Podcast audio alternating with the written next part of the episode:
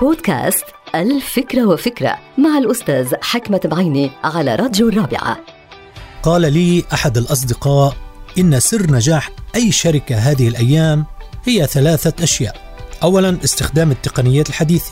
ثانيا بناء علاقات عامة متينة. وثالثا التحلي بالشفافية والأخلاق المهنية العالية.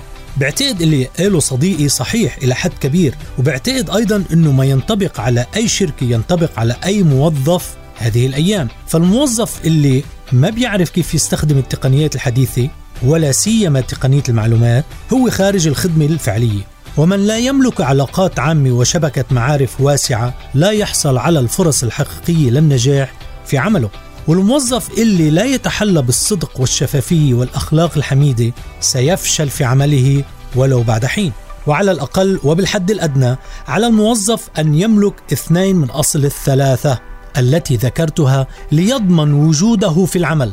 المستقبل الوظيفي أصبح أكثر دقة ويتطلب من الطامحين للنجاح أنه يجاهدوا لامتلاك ثلاثة أمور أو أكثر لضمان عملية النجاح في المستقبل.